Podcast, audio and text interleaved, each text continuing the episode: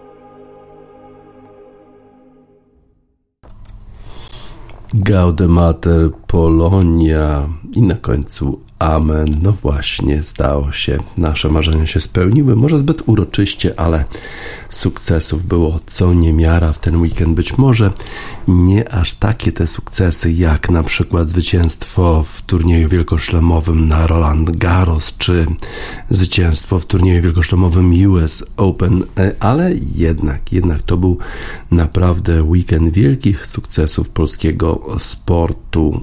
Polacy napisali historię. Mamy złoto i brąz na Mistrzostwach Świata w snowboardzie. Niesamowita e, sprawa. Polacy napisali historię. Oskar Kwiatkowski po pasjonującym finale został mistrzem świata w snowboardowym slalomie gigancie równoległym, a Aleksandra Król zdobyła brązowy medal. A to jeszcze dla nich nie koniec walki o medale znakomite kwalifikacje w slalomie równoległym, w snowboardzie na Mistrzostwach Świata, w narciarstwie dowolnym rozbudziły apetyty. Oskar Kwiatkowski, lider Pucharu Świata w slalomie gigancie równoległym, zajął drugie miejsce a Aleksandra Król była piąta z niewielką stratą do podium. Olimpia Kwiatkowska, Maria Hyc, Michał Nowaczyk i Michał, Mikołaj Rutkowski, wszyscy oni startowali, ale nie dostali się do głównej szesnastki, do głównej rywalizacji, ale walczyli na pewno bardzo dzielnie. E, Aleksandra Król w jednej ósmej finału była wyżej rozstawiona. Jej rywalką była Włoszka Nadia Ochner. Jeszcze na ostatnim pomiarze czasu prowadziła zawodniczka z Włoch, ale na szczęście e, Polka w końcówce zaprezentowała się znakomicie i awansowała do ćwierćfinału. Oskar Kwiatkowski także nie miał większych problemów z awansem, choć Japończyk Masaki Shiba nie odpuszczał, to jednak zrobił duży błąd pod koniec trasy i odpadł. Polak awansował do najlepszej ósemki zmagań.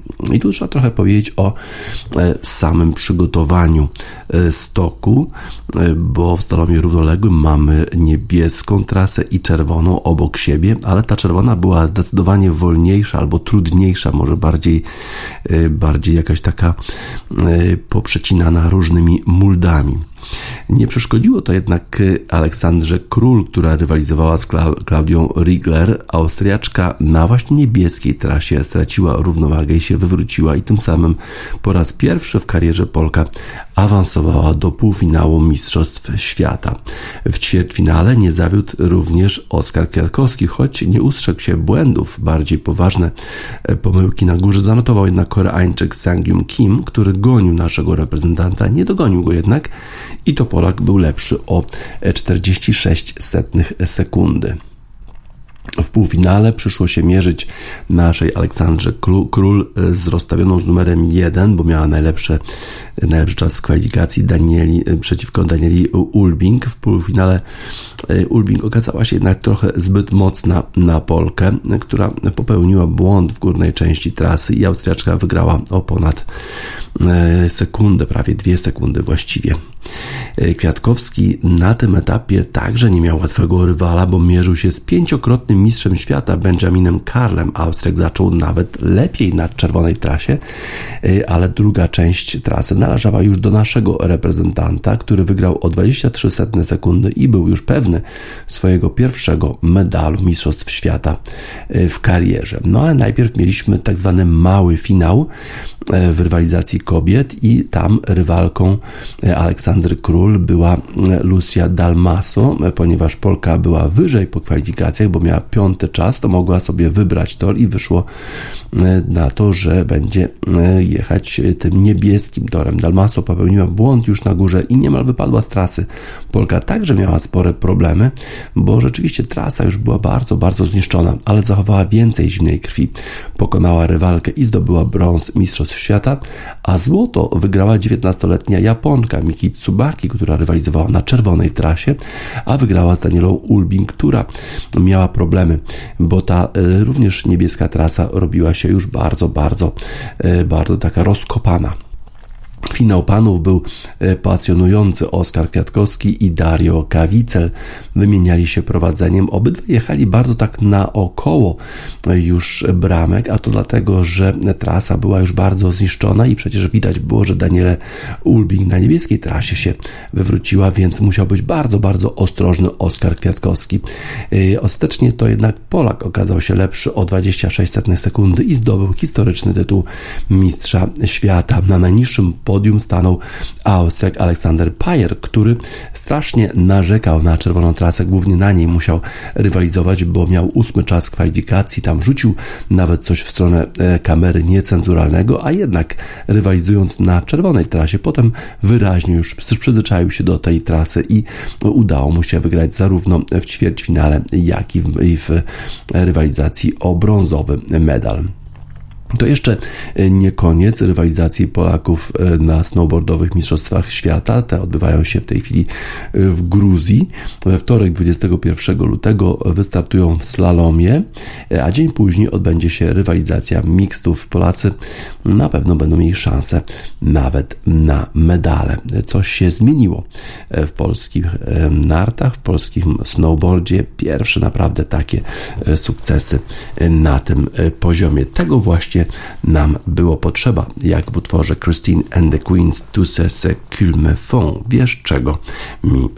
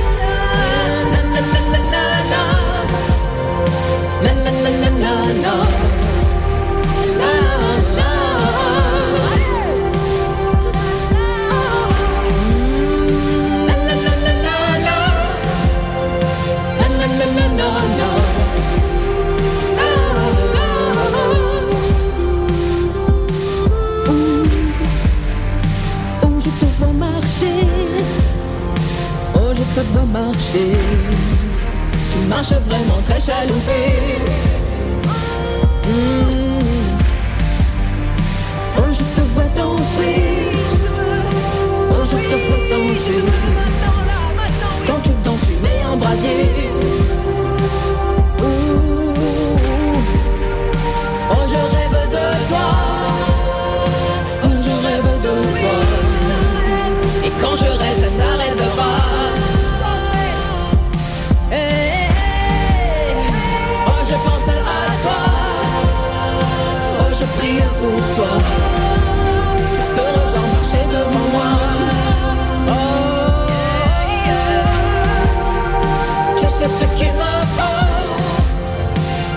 ce qu'il me faut. Oh, oh, oh, Je sais ce qu'il me faut. Je sais ce qu'il me faut.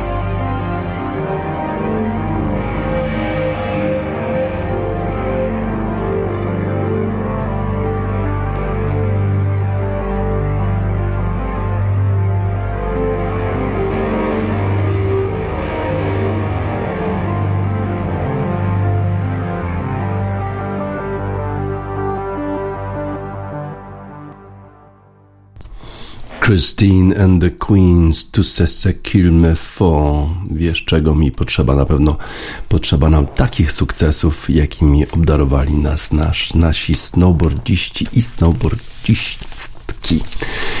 E, Iga Świątek znów wygrała i znów mówiła o Ukrainie w dzisiejszym papierowym wydaniu Gazety Wyborczej. Właściwie dwa artykuły na temat Igi Świątek. To był fenomenalny tydzień dla naszej zawodniczki e, przed finałem. E, Świątek spędziła na korcie w Katarze mniej niż dwie godziny, pisze Marek Deryło. Jessica Pegula 10 godzin. Amerykanka grała długie mecze w singlu, zwyciężyła też w rozgrywkach deblowych, a nasza reprezentantka w debla nie grała. W pierwszej rundzie miała wolny los, a przed ćwierćfinałem wycofała się jej rywalka. Świątek rozegrała dwa mecze, oba wygrała 6-0, 6-1. W zeszłym roku Pegula przegrywała z Igą Świątek często i gładko, mogła nabawić się czegoś, co bywa nazywane kompleksem. Psułaby w meczu z Polką zagrania, których normalnie nie psuje. W decydujących momentach grałaby inaczej niż w innych spotkaniach. Jednak gdy zagrały na początku bieżącego roku podczas meczu Polska-USA w United Cup, Pegula zareagowała jak urodzony sportowiec. Powiedziała, że to prawda, iż często przegrywała z Igą w poprzednim sezonie, ale to było na kortach wolniejszych i wygrała 6-2, 6-2, ani śladu kompleksu. Zachowała się jednak jak prawdziwy sportowiec również po wygranej. Oceniła, że Świątek miała w tym meczu trudniej, bo w przeciwieństwie do niej nie mogła się z nawierzchnią dobrze zapoznać, ponieważ reprezentacja Polski wcześniejsze mecze rozgrywała w innym miejscu. Amerykanka jest wojowniczką, ale na kortach twardych w Dałsze trafiła na świątek w kapitalnej formie. 21-letnia Polka e, returnowała doskonale, a gdy tylko przyspieszyła forehandem podczas wymiany, Pegula od razu znajdowała się w głębokiej defensywie. Nieco wolniejsza nawierzchnia kortu bardziej odpowiadała naszej reprezentantce. W pierwszym secie Amerykanka jeszcze walczyła dzielnie, w drugim nie zdobyła żadnego gema. Mecz trwał godzinę i 10 minut, wiał mocny i zimny wiatr, kibice siedzieli w kurtkach i czapkach. Świątek tańczyła na korcie, jej praca nóg była nie mniej efektowna niż precyzyjne forehandy i backhandy. Znalazłam tu właściwy rytm, powiedziała po meczu liderka rankingu. Po styczniowej porażce w czwartej rundzie Australian Open oceniła, że potrzebuje resetu, by obniżyć oczekiwania wobec samej siebie, by zrzucić trochę presji. Y, pracowałam nad tym, żeby nie oczekiwać, że będę grać doskonale w każdym turnieju i w każdym meczu, mówiła, po czym w Dałsze w rozgrywkach rangi WTA 500 w każdym meczu zagrała doskonale. Polka wygrała ten turniej drugi raz z rzędu. Rok temu jej zwycięski finał odbył się tuż po napaści Rosji na Ukrainę. Świątek wciąż gra ze wpiętą w czapkę wstążką w barwach ukraińskich. W sobotę powiedziała, że widzi i zdaje sobie sprawę, iż ludzka pamięć jest krótka po czym zaapelowała, by nadal wspierać zaatakowane kraje. To bardzo rozczarowujące, że sytuacja nie ulega poprawie, ale miejmy nadzieję, że Ukraina będzie ciągle silna były ukraiński tenisista Oleksandr Dołhopołow, który dotarł aż do ćwierćfinału Australian Open w 2011 roku, napisał na Twitterze po przemówieniu świątek Pewnego dnia zrozumiesz, że przeciwstawiłaś się złu naszych czasów i będziesz z tego nie mniej dumna niż ze swoich osiągnięć tenisowych. Słyszymy Cię i bądź pewna, że od naszej strony Rosja nigdy nie podejdzie do polskich granic. Świątek po meczu zwróciła się też do rywalki, przyznała, że chce pogratulować Pegul nie tylko za triumf w rozgrywkach deblowych, ale generalnie za wszystko. Znamy zamiłowanie Polki do czytania, można się domyśleć o co chodziło, mogła wyrażać uznanie dla siły rywalki, a trochę w ostatnich dniach Pegula o tym napisała historię e, tej córki miliarderów, historię jej rodziny powinien poznać każdy, kto cierpi na wojownicze wzmożenia i chętnie ruszyłby w kierunku domów bogaczy celem wyrównywania krzywd. Dorastałam w przekonaniu, że trzeba ciężko pracować, powiedziała swego czasu Jessica Pegula. Uznała, że skoro jej rodzice nie mieli łatwego startu, to ona też takiego nie chce. Przesadą byłoby stwierdzenie, że wybrała najgorzej jak mogła, ale tenis jest sportem ekstremalnym, fizycznie i psychicznie. Iga Świątek kiedyś powiedziała, że zawodowy tenis to zaprzeczenie zdrowego stylu życia. Brytyjka Emma Raducanu ukonkretniła tę myśl w ubiegłym roku poprzez wyznanie, że jej tenisowe treningi wyglądają tak, że nie ma już paznokci u stóp. A w przypadku Paguli doszedł jeszcze pech. Katowała się na treningach, by jakoś zaistnieć, ale gdy zbliżała się do pierwszej setki rankingu, to raz konieczna była operacja kolana, a drugi raz, gdy znów setka była blisko operacja biodra. Nie rzuciła tenisa, doszła w końcu w wieku 28 lat do trzeciego miejsca w rankingu. Do Kataru przyleciała jako numer 4. Gdy w drugiej połowie zeszłego roku dobiła do pierwszej trójki rankingu, jej życie prywatne y, było zdruzgotane znacznie bardziej niż w tych momentach, kiedy musiała operować kolano czy biodro. Opowiedziała o tym kilkanaście dni temu, publikując duży tekst na platformie The Players Tribune. Wcześniej swoją historię opisała tam Iga Świątek. Otóż w połowie ubiegłego roku doszło do zatrzymania akcji serca Kim Peguli, 53-letniej mamy tenisistki, było na tyle poważne w mózgu, który nie dostaje tlenu, zachodzą niebezpieczne zmiany, że nadal walczy o powrót do zdrowia. Jessica napisała w The Players Tribune: Mama nie będzie już tą samą osobą co wcześniej. Kim Pegula nie urodziła się w Stanach Zjednoczonych. Biologiczni rodzice zostawili ją na ulicy w Seulu. Gdy miała 5 lat, trafiła do USA, do nowej rodziny. Terego Pegule poznała przez przypadek. On przyszedł zjeść obiad w restauracji. Ona próbowała dostać tam pracę jako kelnerka. Tery zaproponował, by spróbowała sił w jego firmie zajmującej się wydobywaniem gazu łupkowego. On już wtedy się rozpędzał. Krytyczny moment miał kilka lat wcześniej, gdy nie wiedział, czy pożyczone od rodziny i przyjaciół 7,5 tysiąca dolarów wystarczą do tego, by się wgryźć w biznes. Kochała pracować, napisała o matce Jessica Pegula. Rodzice oprócz firmy są właścicielami klubów NFL, futbolu amerykańskim Buffalo Bills i NHL w hokeju Buffalo Sabres. Formalnie szefowała im właśnie mama tenisistki, która teraz może czytać i pisać, niemało rozumie, ale jeśli chce odpowiedzieć na coś rodzinie, to ma problem ze znajdowaniem odpowiednich słów. Jessica Pegula napisała: Trudno do tego przywyknąć, rozmowa z mamą wymaga wiele cierpliwości, ale każdego dnia dziękuję Bogu, że w ogóle możemy z nią się komunikować.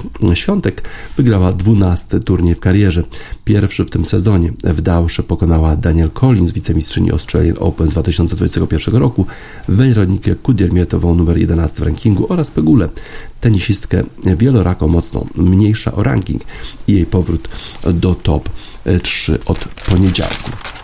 Ale to nie jedyny e, artykuł w dzisiejszej gazecie wyborczej bo e, na ostatniej stronie papierowego dzisiejszego wydania e, świetny artykuł Rafała Esteca, który jest ostatnio w rewelacyjnej formie. E, buszująca w zbożu. Czasami zapominam, że urodziła się przed chwilą, niespełna 22 lata temu i podświadomie traktuję ją jak bohaterkę ponadpokoleniową, ponadczasową. Bywa klasyczną, stereotypową przedstawicielką generacji Z, gdy nie wstydzi się łez lub wręcz szlochu, mówi o lękach lub doświadczeniach z bolesnym miesiączkowaniem, czyli wybebesza się w sposób, który starsze roczniki uważały za niedopuszczalny. Ale bywa też dziewczyną z innej epoki, gdy dowiadujemy się, że czytała hrabiego Monte Cristo i trzech muszkieterów powieści napisane w połowie XIX wieku, że przebrnęła przez niemal stuletnie przeminęło z wiatrem. Czy można wyobrazić sobie bardziej dziaderską lekturę? Ba.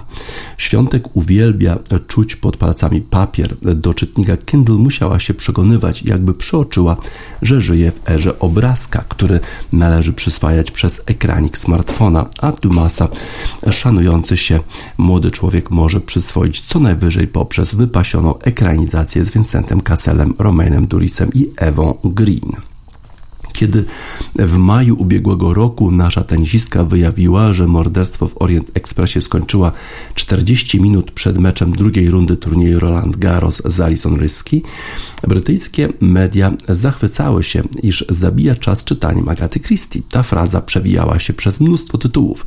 Dziennikarze grubo się mylili. Świątek nie zabija czasu, tylko namiętnie czyta. Niekoniecznie literaturę piękną. Jej zeszłoroczne zwierzenia dla BBC zawarła tam e, pokaźną bibliotekę. E, od buszującego w zbożu i zabić drozda po eseje Harariego e, były absolutnym unikatem wśród publicznych wypowiedzi sławnych sportowców. Podobnie jak wspomnienie jednego z najpiękniejszych prezentów 20 książek otrzymanych od zespołu na 20 urodziny. Ile razy słyszeliśmy, by o czytelniczych doznaniach mówili Robert Lewandowski, Kamil Stoch, Bartosz Zmarzlik, Bartosz Kurek, Anita Włodarczyk? Kiedy po raz pierwszy obficie opowiadała o nich świątek, biegała po kortach z wpiętą w czapkę żółto-niebieską wstążką, a między meczami buntowała się przeciw rosyjskiej agresji, głośno solidaryzowała z Ukrainą, organizowała zbiórki na ofiary wojny. Mówiła o masakrze za wschodnią granicą częściej niż ktokolwiek inny w środowisku tenisowym i nie zapomniała o tragedii do dzisiaj nadal nosi symbol w ukraińskich barwach po sobotnim triumfie w finale turnieju w Katarze znów nawoływała do wspierania zaatakowanych. Światła wielkich tenisowych miast jej nie oślepiły, pamięta. Kiedy w styczniu opublikowała intymną mikroautobiografię na portalu The Players Tribune, znów odnosiłem silne wrażenie, że jest znacznie starsza niż sugeruje metryka. W zdradzającej nadprzeciętną wrażliwość autorki opowieści o przezwyciężaniu introwertycznej natury i trudnościach z nawiązywaniem relacji, swoim rozwoju jako tenisistki, szlochu wywołanym informacją o zakończeniu kariery przez Ashley Barty, czy emocjonalności ojca Tomasza odnajdujemy samoświadomość, szczerość oraz dojrzałość, którą sportowcy osiągają raczej u schyłku kariery, a nawet dopiero po rzuceniu sportu. 22 lata bez 3 miesięcy? Nie. Świątek przeżyła więcej.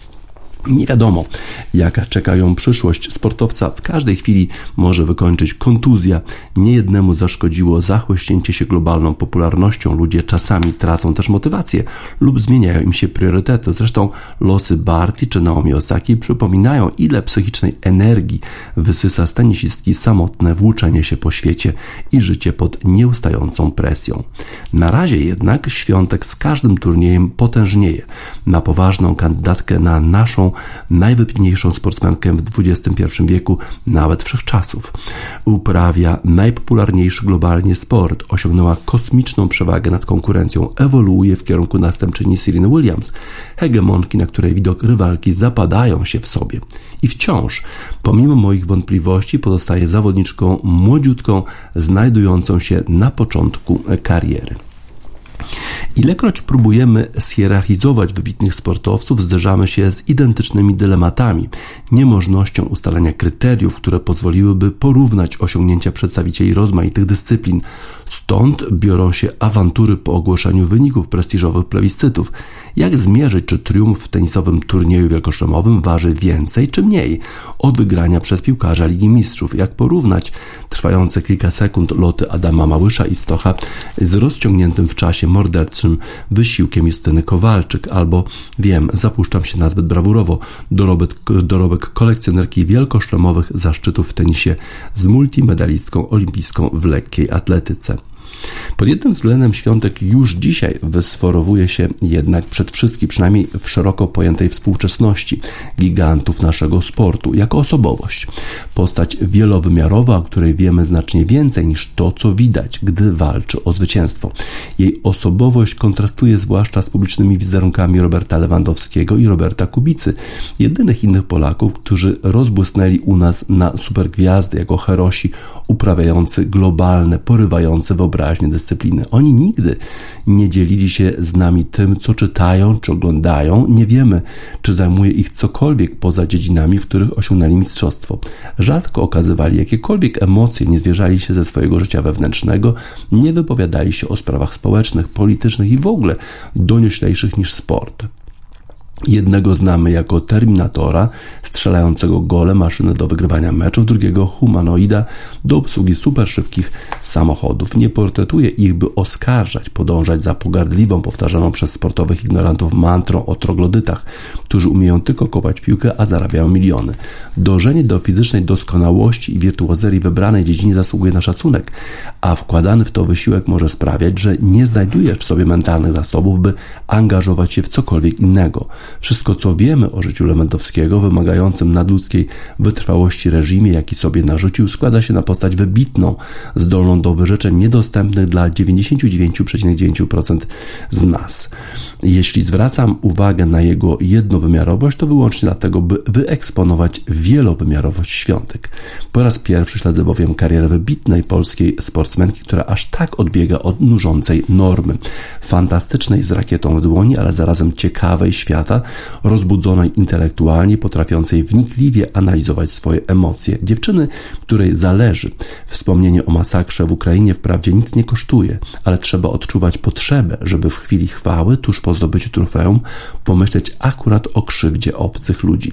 Życzę jej, żeby powygrywała wszystko, ale jeszcze bardziej intryguje mnie, co jeszcze w przyszłości powie i zrobi po zakończeniu meczu. Tyle Rafał Stec, jak już wspominałem, Rafał Stec w rewelacyjnej formie. A Iga Świątek e, poszła jak po swoje. E, taki spacerek do domu. E, zwycięstwo nad Jessica Pegulą w finale turnieju WTA 500 w Dausze. The Walk Home, Young the Giant.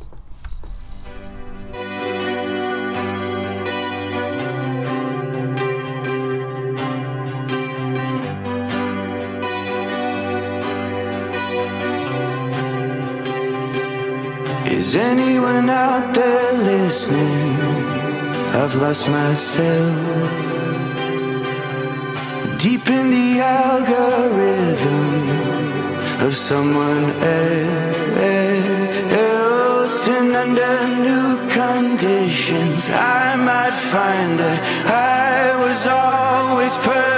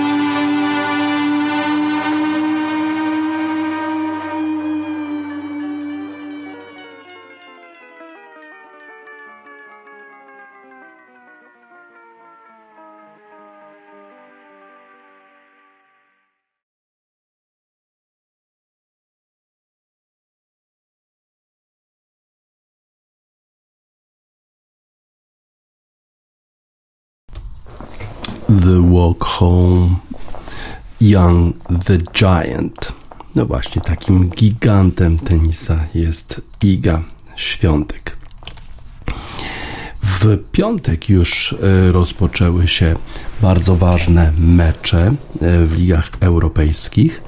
E, takim istotnym spotkaniem pierwszym był mecz pomiędzy Napoli a Sassuolo. Sassuolo, które jak gra u siebie, to ma tę słynną piosenkę I Get Knocked Down But I Get Up, get up Again, czyli powalają mnie na ziemię, ale ja wstaję znowu i walczę. Tym razem nie udało mi się podnieść po tym, jak Kwicza Kwarackelia strzelił bramkę, a potem jeszcze Wiktor Osimhen podwyższył na 2 do 0. Nie byli w stanie wrócić mm, i Napoli pokonało Sassuolo 2 do 0 i wtedy, w tym momencie, w piątek wieczorem Napoli już przeważało nad drugim w tabeli e, Interem 18 e, punktami. Potem jeszcze Inter wygrał swoje spotkanie, więc ta e, przewaga Napoli wynosi 15 punktów, ale wydaje się, że tylko jakiś kataklizm mógłby e, odebrać zespołowi Napoli pierwsze zwycięstwo od wielu, wielu lat. W tej chwili Napoli mają 62 punkty z 24, 23 meczów,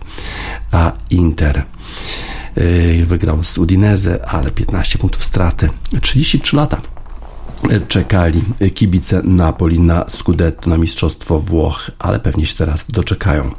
Wygraliśmy ostatnie kilka spotkań przed naszym meczem piątkowym, ale mieliśmy trochę mniej jakości wtedy, powiedział e, trener zespołu Napoli Luciano Spalletti. A dzisiaj e, naprawdę graliśmy świetnie, mieliśmy e, dobrą, e, dobrą grę e, właściwie we wszystkich e, miejscach na boisku. Byliśmy lepsi od Sassuolo. Oczywiście oni grali dobrze, próbowali nam stwarzać problemy, ale udało nam się dowieść zwycięstwo do końca. Najpierw Kwarackelia, który już zdobył swoją dziesiątą bramkę w tym sezonie, zdobył bramkę w 12 minucie, a w 33 minucie Nigeryjczyk Osimen strzelił bramkę drugą. Piotr Zieliński nie wystąpił w wyjściowym składzie zespołu Napoli.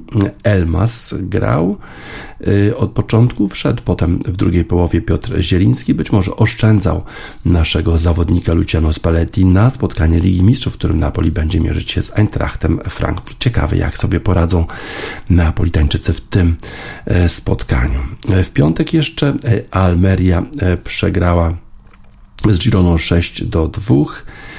Augsburg wygrał z Hoffenheim jedną bramką. W sobotę kilka bardzo ciekawych e, spotkań na kontynencie, w szczególności e, kolejny raz zespół Mönchengladbach, Borussii Mönchengladbach pokonuje Bayern Monachium. To jest zespół, który ma jakiś patent na pokonywanie e, Bayernu, no ale tym razem tym patentem okazało się czerwona, okazała się czerwona kartka dla Upamecano już na początku spotkania. E, w 13 minucie Lars Stindl dał prowadzenie zespołowi Mönchengladbach, a e, Dajot Upamecano właśnie e, dostał czerwoną kartkę za faul na Alastanie Play przed polem karnym już w ósmej minucie. Potem jeszcze Stindl miał okazję na podwyższenie na 2 do 0, ale z bliskiej odległości e, strzelił nad poprzeczkę. Natomiast e, Bayern, mimo tego, że grał w dziesiątkę w 35 minucie, udało im się strzelić bramkę. Alfonso e, Davis podał do Erika Chopo Motinga i było już 1 do 1. No ale w 55 minucie akcja całego zespołu yy, pokazała, że jednak ta przewaga jednego zawodnika na boisku ma znaczenie i Jonas Hoffman zakończył akcję całego zespołu, dając prowadzenie zespołowi Mönchengladbach w 55 minucie 2 do 1, a potem jeszcze Markus Thuram, który wszedł z ławki rezerwowych, yy, dał trzecią bramkę i dopiero Matystel w doliczonym czasie gry zmniejszył rozmiary porażki dla Bayernu na 3 do 2. Y, Bayern Monachium, który wygrał z Paris Saint-Germain w ciągu tygodnia 1 do 0 w Lidze Mistrzów i wydaje się być faworytem do awansu do ćwierćfinału, jednak nie był w stanie wygrać z zespołem, z którym bardzo często przegrywa. Union Berlin miał szansę wyjścia na prowadzenie w tabeli Bundesligi, ale jej nie wykorzystał, bo tylko zremisował z Szalkę w niedzielę. Z kolei Borussia Dortmund wygrała swoje spotkanie 4 do 1 z zespołem, z innym zespołem z Berlina, z Hertą Berlin i zrównała się z Bayernem liczbą punktów na czele tabeli. Zaczęliśmy to spotkanie dobrze, tak powiedział trener Julian Nagelsmann. Mieliśmy swoje okazje w pierwszych 7 minutach, nawet dwie. Mogliśmy, mogliśmy już prowadzić 2 do 0, a potem jednak to nieszczęście i czerwona kartka dla e, Upamecano. Graliśmy też w Paryżu e, w dziesiątkę. Coś jakoś nam nie idzie w ostatnim e, czasie. A Mönchengladbach 10 razy wygrali już z Bayernem Monachium od sezonu 2011-2012, a żaden inny zespół nie zdołał wygrać z Bayernem więcej niż pięciokrotnie w tym samym e, czasie. Freiburg e, wygrali z Bochum 2 do 0. Lipsk jest na piątym miejscu e, po zwycięstwie nad Wolfsburgiem 3 do 0. E, Eintracht również wrócił do wygrywania, co ma znaczenie, bo przecież będą grali z Napoli w Lidze Mistrzów. Wygrali 2 do 0. W Włoszech Milan wygrał z Moncą 1 do 0. No i to jest na pewno ważna informacja i ważne zwycięstwo dla Milanu, który też walczy w Lidze Mistrzów i wygrał z Tottenhamem w pierwszym spotkaniu, a Inter wygrał z Udinese, no i zmniejszył e, przewagę e, Napoli do 15 punktów na czele Ligi Włoskiej. W Hiszpanii w sobotę Real Madryt pokonał 2 do 0 Osasunę i zmniejszył przewagę do Bar zmniejszył stratę do Barcelony, no Barcelona potem wygrała 2 do 0 w niedzielę i yy, odzyskała tę przewagę nad Realem Madryt. Spójrzmy właśnie na te spotkania, które odbyły się w niedzielę niedzielę e, Paris Saint-Germain e, wygrał 4 do 3 z Lille. To było bardzo interesujące spotkanie. Leo Messi e, pięknie uderzył z rzutu wolnego w już doliczonym czasie gry i dzięki temu Paris Saint-Germain wygrało 4 do 3. Paris Saint-Germain mieli ostatnio problemy, przegrali przecież z Bayern Monachium u siebie, ale wrócił do nich Kylian Mbappé. To jest chyba zawodnik, który stanowi o sile tego zespołu. No a jak Kylian Mbappé jest w składzie, to zaczyna się lepiej dziać dla zespołu Paris Saint-Germain. Mimo tego, że Neymar e, został właściwie zniesiony z boiska, chyba kontuzja e, kostki, e, ale inni zawodnicy grali dobrze. Lille walczyło dzielnie, ale już w doliczonym czasie gry Messi jednak dał zwycięstwo swojemu zespołowi. Borussia Dortmund wygrała z Hertą Berlin 4 do 1 i zrównała się z Bayernem Monachium na czele e, Bundesligi. Atletico Madryt e, wygrało 1 do 0 z Atletico Bilbao. Kolejny raz Antoine Griezmann ratuje skórę zespołowi z Madrytu, strzelając jedyną bramkę e, w tym meczu. A Barcelona wygrała w trudnym meczu z zespołem z Kadyksu 2 do 0 bramki Serhi Roberto i Roberta Lewandowskiego wystarczyły, żeby odzyskać to 8-punktowe prowadzenie na czele Ligi Włoskiej. Z kolei Juventus wygrało ze Specją 2 do 0 i mają już trzy zwycięstwa z rzędu. Są na miejscu siódmym, mimo tego, że przecież zostali ukarani karą za jakieś finansowe chyba malwersacje. Dużo się działo e, w ligach e, europejskich. E, Borussia Mönchengladbach, jak zwykle, łamie serca kibiców Bayernu Monachium. Morgan Greek, Permanent Heartbreak.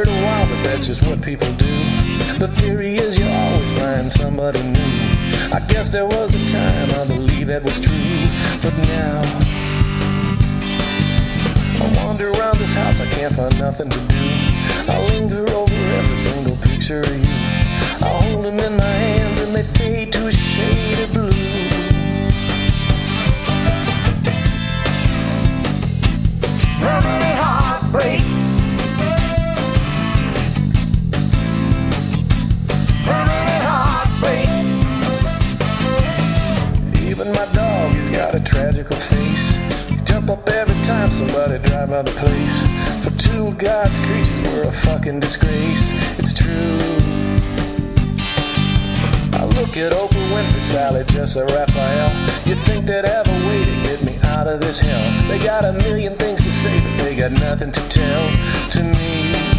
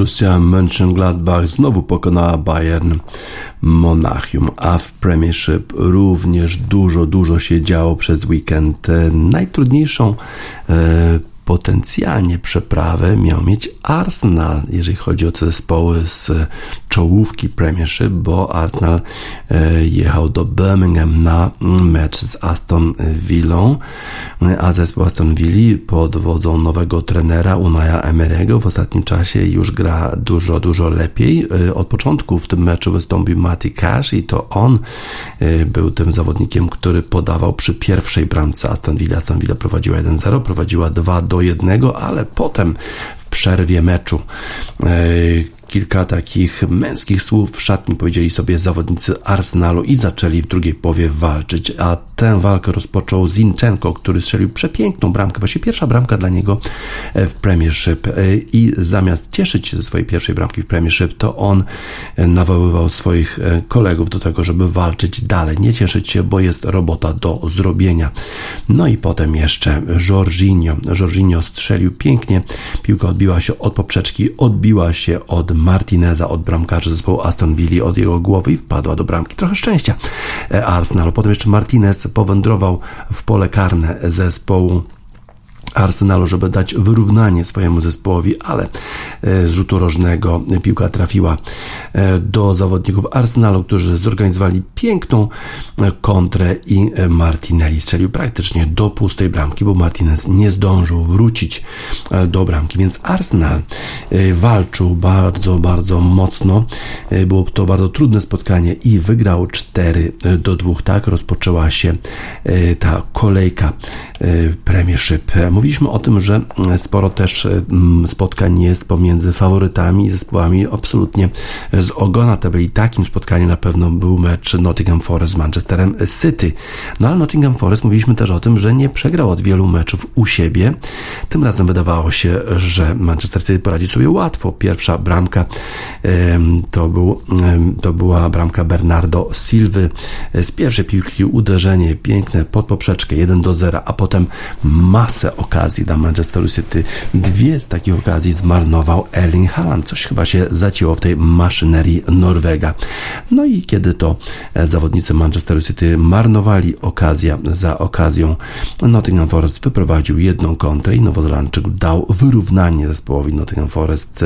Absolutny szał na stadionie Manchesteru City. Zresztą kibice trochę tam wyśmiewali się z Manchester City, że przecież nie ma żadnego trofeum europejskiego, a Nottingham Forest i owszem, oczywiście mówi o tych trofeach z lat 80., tym niemniej jednak może się pochwalić takimi triumfami w lidze, może nie mistrzów, ale w Pucharze Europy, bo wtedy Ligi Mistrzów jeszcze nie było, a Manchester City bezskutecznie próbuje zdobyć Puchar Europy, oczywiście w formie Ligi Mistrzów. Co prawda Manchester City zdobył raz e, tytuł europejski. Wiemy o tym, kiedy pokonał Górnika Zabrze w trzecim e, spotkaniu w Wiedniu, a to było w latach z kolei 70., czyli bardzo, bardzo dawno temu. W innych spotkaniach, które odbyły się o 16 w sobotę, Brentford zremisował z Crystal Palace, Wolverhampton sensacyjnie przegrał u siebie z Bournemouth, a przecież Wolverhampton w dobrej formie. Ostatnio Brighton równie sensacyjnie przegrał z Fulham. Brighton miał kilka bramek w tym spotkaniu, ale wszystkie zostały one anulowane przez y, asystenta VAR, a Fulham jedna akcja, jedno podanie y, z kontry i 1 do 0, trzy punkty dla zespołu y, z południowo-zachodniego Londynu i cały czas marzenia jeszcze o występie w pucharach europejskich dla tego zespołu. Chelsea z kolei 500 milionów euro, 500 milionów funtów, przepraszam, wydanych na zawodników takich jak Joao Felix, jak Enzo Fernandez. Grali dobrze ci zawodnicy, a i tak przegrali Southampton. Piękny rzut wolny Warda Prausa 1 do 0. Tym razem nie miał pecha Jan Bednarek, bo przecież w poprzednim spotkaniu w Premiership Jan Bednarek praktycznie trafił sam piłką do swojej bramki, a potem tak nieszczęśliwie interweniował, że piłka trafiła do zawodnika przeciwnej drużyny i przegrali zawodnicy Southampton, bodajże z Evertonem wtedy 2 do 1. Southampton tym razem zwycięski i to na pewno jest ważne zwycięstwo w walce tego zespołu o utrzymanie się e, w Premiership. E, a potem e, już w niedzielę bodajże tak, czy może później w sobotę Newcastle grał z Liverpoolem i od razu dwie bramki dla Liverpoolu. Piękna akcja, świetna bramka Nuneza, potem rewelacyjne podanie Salaha do nowego nabytku zespołu Liverpoolu Gakpo i ten zdobywa bramkę na 2 do 0. Potem jeszcze nieszczęście dla Newcastle wyprowadzał e, piłkę bramkarz zespołu e, Liverpoolu. Alison piłka miała trafić do Salaha, ale e, wybiegł z bramki bramkarz zespołu Newcastle Nick Pope i nieszczęśliwie dotknął piłki ręką. Od razu dostał czerwoną kartkę od sędziego. To właściwie było przypadkowe zagranie ręką i ciekawe, czy przepisy mówią o tym, że nawet za przypadkowe zagranie ręką poza polem polem karnym musi e, sędzia e, podyktować czerwoną kartkę? Pewnie nie. Sędzia jednak Jonathan Taylor słynie z tego, że jest pewny siebie, nie sprawdza, bo on wie, wszystko wie najlepiej, a tu moim zdaniem popełnił błąd. Nick Pope pewnie nie powinien był wylecieć z boiska, a ten, w ten sposób e, również Nick Pope nie będzie mógł grać w finale Pucharu Ligi Angielskiej w przyszłą niedzielę, kiedy to Newcastle po raz pierwszy będzie starało się zdobyć jakiekolwiek trofeum. Po raz pierwszy od tego Pucharu Miast Targowych w latach 70. czy nawet w 69 roku bodajże. Nick Pope, który miał nadzieję wystąpić na Wembley, najprawdopodobniej tam nie zagra przez decyzję właśnie Jonathana e, Taylora. 2 do 0. Potem jeszcze Newcastle mieli szansę na zdobycie bramki, nawet więcej tych szans niż Liverpool, którzy grali e, jednego, mając jednego zawodnika e, więcej. Y, Manchester United w dalszym ciągu w rewelacyjnej formie. Trzy bramki zaaplikował Manchester United Leicester City. Marcus Rashford w genialnej e, formie. Zarówno Rashford, jak i Sancho też w świetnej formie. 3 do 0 w meczu Manchesteru United z Leicester City. Z kolei Tottenham poradził sobie śpiewająco z zespołem West Hamu u siebie 2 do 0. E, najpierw Junior Emerson po rewelacyjnej akcji całego zespołu nawet nie ruszył się e, z bramki e, Łukasz Fabiański, a potem jeszcze e, Hong Min Son zdobył bramkę drugą i e, West Ham przegrywa jego sytuacja staje się coraz, coraz trudniejsza. West Ham musi walczyć o utrzymanie się w Premiership, a Tottenham rewelacja już są z przodu tabeli, a na jej czele w tej chwili Arsenal ma dwa punkty przewagi i jeden mecz w zanadrzu nad zespołem Manchester City. Na trzecim miejscu Manchester United 49 punktów, a na czwartym już Tottenham 42 punkty, ale jeden mecz rozgrany więcej niż Newcastle na miejscu piątym. Fulham na szóstym, siódmy Brighton, Liverpool na ósmym miejscu już ale weekend należał do zespołów z Londynu, Arsenal i e, Tottenham. London Gangs dla tych właśnie zespołów.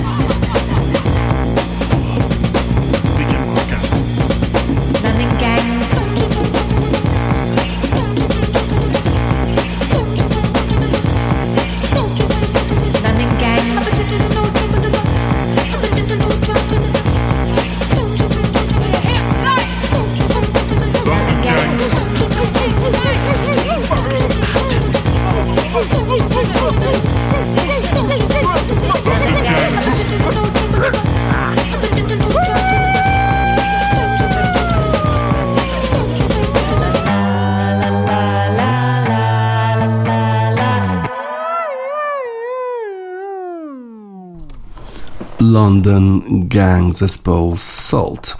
Okazuje się, że rok to bardzo, bardzo dużo czasu, szczególnie dużo czasu w krykiecie. Rok temu e, Australia pokonywała zespół angielski w walce o popioły 4 do 0. Cztery zwycięstwa i tylko jeden remis w pięciu meczach testowych. Rok później Australijczycy pojechali do Indii i przegrali drugi już mecz testowy w zaledwie w ciągu trzech dni.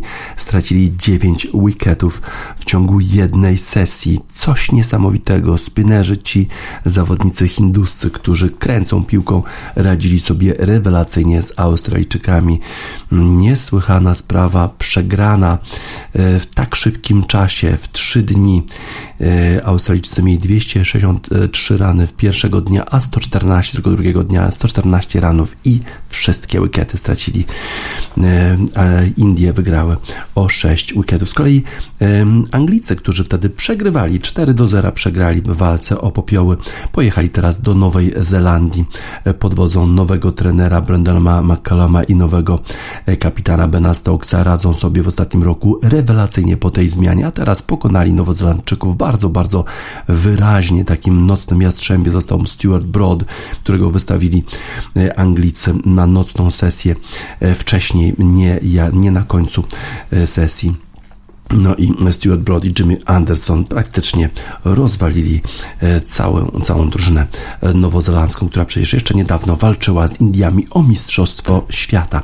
Niesamowite, zupełnie inne drogi Australijczyków e, i Anglików. Anglicy są na szczycie w tej chwili. Ben Stokes i Brandon McCallum cieszą się z fenomenalnej formy, a Australijczycy polegli w Indiach, przegrali wyraźnie i muszą teraz się podnieść, a na razie Lil Peep, XXX Tentacion, Falling Down, Upadek.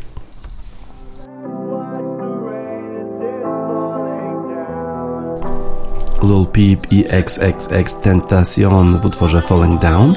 Na zakończenie wiadomości sportowych w Radiosport na radiosport.online 20 lutego 2023 roku. DJ Spacer żegna Państwa.